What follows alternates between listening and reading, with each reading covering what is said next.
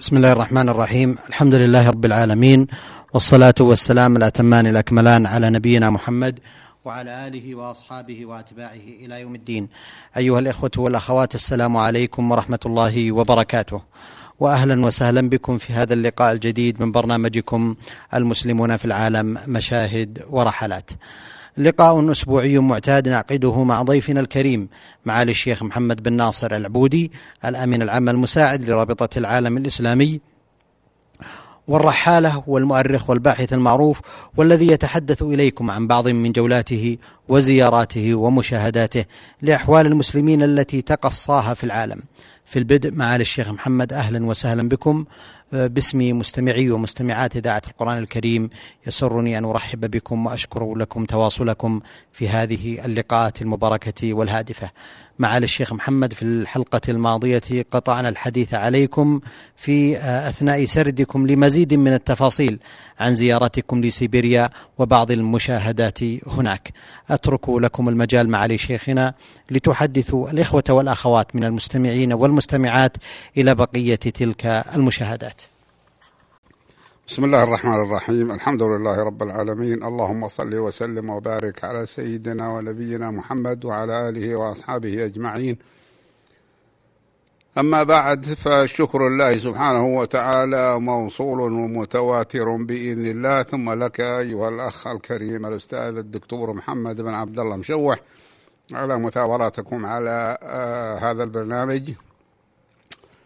وقد وقف بنا الحديث في الحلقة السابقة على ساحة اسمها ساحة لينين. ساحة لينين في مدينة أمسك وأمسك هي كبرى المدن في غرب سيبيريا. وساحة لينين هذه من التسمية الباقية من عهد الحكم الشيوعي لم يغيروها. ليس ذلك لأنهم هم يحبون الشيوعية بالعكس ولكنهم حتى الآن يعني حتى ذلك الوقت الذي كنا فيه في روسيا قبل ثمان سنين أو تسع سنين لم يغيروها ولكنهم غيروا الفعل فأخذوا يتبارون في ذكر مساوئ الشيوعية وكلهم يرفضون العودة إليها وبعضهم يرفض حتى مجرد ذكرها. في هذه الساحة ساحة لينين الواسعة وهي الرئيسية في المدينة رأينا البلدية تقوم بما يعني تقدم لهم ما ما ترى أنه يستمتع به الناس في هذه الأيام الشامسه ذات النهار الطويل والجو الدافئ. وذلك أن هذه فرصة لهم. فنحن الآن في فصل الصيف وفصل الصيف بالنسبة لأهل سيبيريا هو كفصل الربيع بالنسبة للبلاد الأخرى. فتجد الناس يستمتعون بالشمس المشرقة وبالنهار الطويل وبالجو الدافئ وهذا لا يتيسر لهم إلا في الصيف. ووجدنا أن أكثر الشبان في هذه الساعة وحتى من غير الشبان هم من الروس وهم أرشق أجساما وأفضل تغذية فيما يظهر على وجوههم وأبدانهم من الرؤوس في من الروس في موسكو وما حولها. لذلك هم أجمل منظرا منهم وأكثر استقامة في القامات. ولا يرى المرء بينهم على البعد أي شيء يميزهم عن الأوروبيين الآخرين. فالأجسام الثقيلة الموجودة عند سكان أو عند بعض سكان موسكو وفي منطقتها غير موجودة هنا. وفي ركن من هذه الساحة الواسعة يوجد شبان وشابات. الكثير منهم لا يظهر على سلوكهم شيء غير معتاد. ولذلك رأينا في الشارع الذي يحف بهذه الساحة صفا من بائعات الزهور قيل لنا إنهن يبعنها لمن يريد أن يهدي منها لصديقه أو صديقه أو لزوجته ولكن الصداقة هنا بين الجنسين لا تحتاج إلى التعبير عن الشعور بإهداء الزهور في هذا العهد الذي حل فيه البوار باقتصاد البلاد. فصارت الهدية التي تملأ البطن بالزاد هي أحسن الهدايا للصبايا. بطبيعة الحال اختلف الوضع الآن. فالاقتصاد الروسي تقدم بخطى حثيثة وودع الناس عهد الضيق الاقتصادي الذي أعقب انهيار الشيوعية. ولكننا نذكر هنا ما شاهدناه هناك مع التنبيه على أن أكثره قد أصبح من الذكريات. ورأيتهم يكثرون من شرب السوائل فهناك الأشربة الغازية كالكوكاكولا والميرندا وحتى الماء المعدني المثقل بالغاز رأيتهم يشربون منه في الشوارع والساحات لأنهم يعتبرون الوقت هو وقت صيفي وهو بالفعل وقت صيفي. والشمس تميل إلى الحرارة بالنسبة لنا نحن وبالنسبة لهم فهم يستمتعون بها لأن هذه فرصتهم لكي يخزنوا من أشعة الشمس في أجسامهم ما تحتاج إليه في الشتاء. ولذلك رأيت أكثرهم وهم ركوب في السيارات أو الدراجات يشربون هذه المياه. هذه السوائل ولا أدري ما بعث ذلك لأنه يشربون أكثر منا نحن وبلادنا كما نعلم بلاد حارة ولكن الناس ليسوا مثلهم بالكثرة الذي هم يظهر عليه. ربما كانوا يستمتعون بهذا الجو الدفيء وفي النهار الطويل. ولمناسبة الحديث عن الزهور قال لي الشيخ نفيع الله عاشروف إن حاكم أقليم أمسك أمر أن يستقبلوك عند وصولك إلى المطار بالزهور. بأن يهدوا إليك بطاقة منها. قال فقلت لهم إنه لم تجر العادة على أن يستقبل العلماء ورجال الدين بالزهور فتركوا ذلك. وذكر لي أهل البلاد بعد ذلك أن استقبال القادم الجديد بالزهور عادة لهم قديمة صارت مرعية. حتى المولود الجديد يستقبلونه بالزهور بمعنى أنهم يهدون إلى أمه أو أهله طاقات من الزهور. واصلنا الجولة في مدينة أمسك فمررنا بمعهد لضباط الجيش بجانبه حي سكني يسمى حي الضباط لأنهم يسكنون فيه بالقرب من ذلك المعهد كما مررنا بمركز تجاري اسمه عالم الأولاد مختص بما يحتاج إليه الأطفال. ثم ابتعدنا عن منطقة ساحة لينين التي تعتبر في قلب المدينة وإن كان قلبها واسعا لأن المدينة حديثة قد أفسحت المجال لأهلها حتى في قلبها. وبطبيعة الحال أنها خططت أكثر تخطيطها كان في عهد في العهد الشيوعي والعهد الشيوعي هو عهد شمولي بمعنى أن الدولة ترى أن عليها واجب أن آه، تبني كل شيء ولذلك تجعل الساحات واسعة وكذلك الشوارع تجعلها واسعة لأنها لا تضطر إلى دفع قيمة للأرض التي يوسع منها الشوارع أو توسع فيها الحدائق. ثم ابتعدنا عن منطقة ساحة لينين التي تعتبر في قلب المدينة ووصلنا إلى ما كنت أسميته بالعمائر الشيوعية. العمائر هذه لفظة آه لفظة غير فصيحة عامية لأن العمارة في العربية غير هذه والمقصود منها الآن أصبحت العماير اسما للمباني الضخمة المرتفعة ذات الطوابق المتعددة. وهذه العمائر الشيوعية هي أبنية حكومية كبيرة ذات طوابق متعددة كانت الحكومات الشيوعية تبنيها شققا سكنية صغيرة لموظفيها وحتى لعامة الشعب تبيعها عليهم بأجور رمزية وكذلك لا تخرجهم منها أبدا إلا إذا ثبت أن لهم بيتا آخر. وكذلك وهي ضيقة جدا ولكن الناس يسكنون فيها مضطرين لأن الدخول أولا ضعيفة ولكونها محدودة لا تمكن الزيادة عليها في العهد. الحكم الشيوعي بمعنى أن الإنسان ولو كان عنده مزيد من الوقت لا يستطيع أن يحصل على دخل آخر لأن الحكومة قد قننت جعلت كل شيء بقانون ومن القانون ألا يزيد الدخل أحد على أحد إلا في بقدر ما يقدمه. للناس وهذه آه، من النادر أن تتحقق. وقال الإخوة المسلمين أن هذه المباني ضيقة إلى درجة أن الواحد إذا دعا إلى بيته جماعة من إخوانه لا يزيد عددهم على ثمانية أو عشرة. يضطر بعضهم أن يبقوا واقفين في البيت طول الوقت لضيق غرفها وقلتها. فالشقة الكبيرة تكون في الغالب مؤلفة من ثلاث غرف صغيرة والأصغر منها تكون غرفتين ضيقتين. ولا مجال في زمن الحكم الشيوعي للمرء في أن يستأجر أكبر منها ولو كان يملك نقودا لأن المساحات التي يمكن له أن يحصل عليها من الدولة بالإيجار محدودة بحدود فرضتها قوانين صارمة لا يمكن تجاوزها لسائر الناس. وصلنا في تجوالنا إلى مسجد اسمه مسجد نحن نتجول في أمسك كما قلت.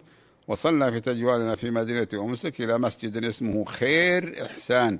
فوجدنا فيه صديقنا ومرافقنا قبل قليل في الجولة الذي تركنا وسبقنا إلى المسجد ليكون في استقبالنا فيه وهو الأخ أنار بيك التي معناها وأصلها أنور بيك رئيس الجمعية الإسلامية في أمسك ومعه بعض الأخوة المسلمين وإمام المسجد ومؤذنه.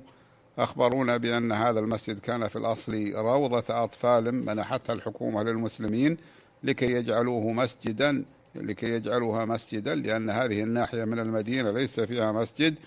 ويقع المسجد على شارع بعدان خميلين هكذا يسمونه ولا أعرف أصله من حي يعرف بحي الدائرة البلدية المركزية أي قلب المدينة واسم إمامه تقساي باي لم نجده فيه لأنه كان ذاهبا إلى سوريا في منحة لمدة ثلاثة أشهر لتحسين لغته العربية. أما إمامه الحالي وكان في الأصل نائب الإمام فإن اسمه بونا باكولين والمؤذن اسمه إبراهيم ابن محمد شريف إبراهيموف. وهذه كما نرى هذه الأسماء كما نرى معظمها أسماء أسماء إسلامية عربية. ولكن بعضها دخله شيء من التغيير من التغيير وكلاهما الإمام والمؤذن شاب بخلاف ما كان عليه الأمر في هذه البلاد زمن الشيوعية حيث يكون إمام المسجد ومؤذنه من الشيوخ الطاعنين في السن. وقد بني المسجد في عام 1996 أي بعد حدوث بعد سقوط الشيوعية بمدة فهو حديث ولكن بناءه وتهيئته نظيفان. ومع ذلك ليست له منارة يعني أنه آه، بدون منارة. ومع أن وجود المنارة ليس شرطا لعمل المسجد فإنها مهمة في مثل هذه البلاد وفي غيرها من البلاد التي يؤلف المسلمون فيها أقلية. فإن المنارة تكون مهمة لأنها تدل على المسجد يستدل بها من لا يعرف وجود المسجد وهي أيضا تدل على وجود المسلمين لمن لا يعرف ذلك وتوقده لمن يعرفه. وهي كذلك تدل من يريد من الناس أن يطلعوا على ما عند المسلمين من المعرفة بالإسلام. فإنه يرى المسجد ثم يتوجه إليه ويدخل ويأخذ من المسجد ما يحتاج إليه من المعلومات المتوفرة فيه. إذا لم يوجد غالب المساجد غالب المساجد يكون فيها أوراق أو شيء عن الدين الإسلامي. لكن إذا لم يجد فإنه يستطيع أن يسأل الإمام أو رئيس الجمعية الإسلامية ويتذاكر معه في هذا الأمر. وأذكر بهذه المناسبة أنني عندما زرت مسجد مدينة سانتا كروز وهي أهم مدينة في جمهورية بوليفيا الواقعة في جبال الأنديز من أمريكا الجنوبية رأيتهم رفعوا منارة المسجد وقبته حتى صارت المنارة ترى من أماكن بعيدة مع أن المسجد ليس كبيرا.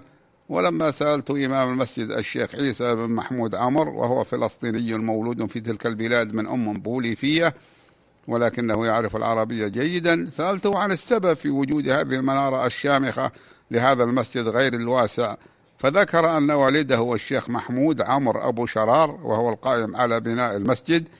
قال إنك إذا بنيت مسجدا واسعا كبيرا ولم تجعل فيه منارة ولا قبة ذات شكل إسلامي مميز فكأنك بالنسبة إلى المواطنين من غير المسلمين لم تبني مسجدا. لأنهم لن يميزوه عن غيره على حين أنك إذا بنيت المسجد بنيت للمسجد منارة شامخة وجعلت له مظهر مسجد مميزا فإن كل من يراه على البعد أو القرب يعرف بوجوده. وقد يأتي إليه ليعرف ما عند المسلمين ثم يهده الله إلى الإسلام وهذا وقع كثيرا ولله الحمد في عدة أماكن من العالم. ذكر أهل المسجد على رأس ملك خنار بيك أن المسجد يحتاج أيضا إلى دورات حديثة للمياه. هذا المسجد يحتاج إلى منارة ويحتاج إلى دورات حديثة للمياه. لأنني دخلت يعني اطلعت على الموجود فيه ووجدتها قديمة غير لائقة. قد بنوها على الصفة التي يجعل أهل بلاد آسيا الوسطى وامتدادها هذه البلاد السيبيرية يجعلون عليها المراحيض في بلادهم وهي أن يبعدوها عن المنزل والمبنى. والسبب في ذلك أنه لا توجد عندهم مثل ما عندنا مجاري للمياه. طبعا هذا كان عندما زرناهم الآن لا ندري ماذا فعل الله بهم ولكنهم يبعدون هذه المراحل لأن رائحتها تكون آه، سيئة فيبعدوها مع أنهم بلادهم بلاد باردة بل ثالجة في الشتاء ويحتاجون إلى ألا يبعدوا. ولكن هكذا اعتادوا في بلادهم لأنه لا يوجد فيها مجاري في المياه كالتي توجد في بلادنا. ولا يعرفون كيف يتفادون الرائحة الكريهة للمرحاض إذا كان قريبا من المنزل. كما كنا نفعل نحن عندما كنا نحفر البلاعات جمع بلاعة وقد يقال لها بالوعة. وكنا أيضا نبعد مكان قضاء الحاجة الذي هو بيت الخلاء نبعده إلى طرف الحوش في المنزل الطرف البعيد تفاديا للرائحة. ولكن لا شك أنه مع وجود البناء الحديث عندهم بالإسمنت المسلح فإن هذا قد تقلص أو ربما يكون قد تقلص نوعا ما وهم يلقون عنة من طريقتهم القديمة تلك لأن بلادهم باردة فيجب على من يذهب إلى قضاء الحاجة في درجة برودة الشتاء المعتادة التي هي 30 درجة تحت الصفر أن يترك منزله ثم يخرج إلى العراء.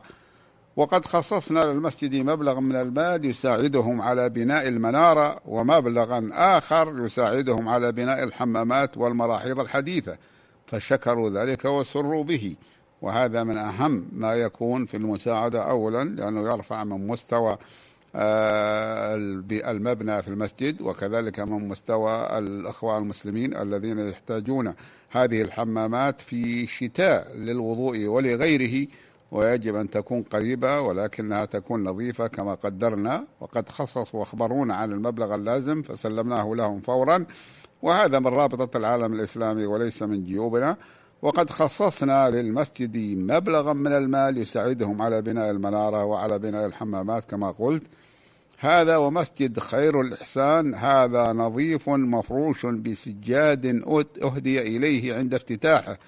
أخبرونا أن عند أهل هذه البلاد عادة حميدة وهي أنه ما أن يعلن عن قرب افتتاح مسجد حتى يسارع من يقدر منهم على الحصول على سجادة أو من تكون لديه سجادة يمكنه أن يستغني عنها فيهديها للمسجد. فيجتمع من ذلك للمسجد فراش من السجاد كثير. وهكذا فقد وجدنا المسجد مفروشا كله كله بالسجاد النظيف مما أهداه إليه المسلمون عند افتتاحهم عند افتتاحه افتتاح المسجد. وهذا أمر جيد جدا وعادة حسنة.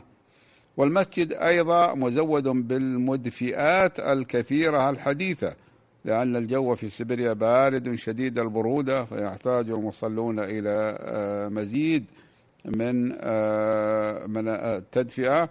طلاء المسجد معتنى به وكذلك كل ما يتعلق به وقد حجزوا بستارة من القماش جانبا من مؤخرات المسجد خصصوه لصلاة النساء. وهي ستارة خفيفة ترى النساء من خلالها صور الإمام والمأمونين وإن لم يكن ذلك واضح لهن. وهذا جيد بل هو أقرب إلى السنة مما يفعله بعض أهل المساجد الذين يبنون مساجدهم الآن ويجعلون مصلى النساء أسفل المسجد. بحيث لا يرين الإمام ولا يرين من من خلفه ولا يربطهن بالإمام لا تربطهن رابطة بالإمام إلا من خلال مكبر الصوت الذي قد ترتبك صلاتهن به فيختلط عليهن ولا يستطعن تمييز الركعات. وهذا خلاف السنة التي التي وردت في الأحاديث. هذا مثل ما صار بعض المتشددين من أهل المساجد عندنا يجعلون مصلى النساء منفردا وهو خلاف السنة أي مبنى منفردا وحده لا يربطه بمبنى المسجد إلا سلك من الكهرباء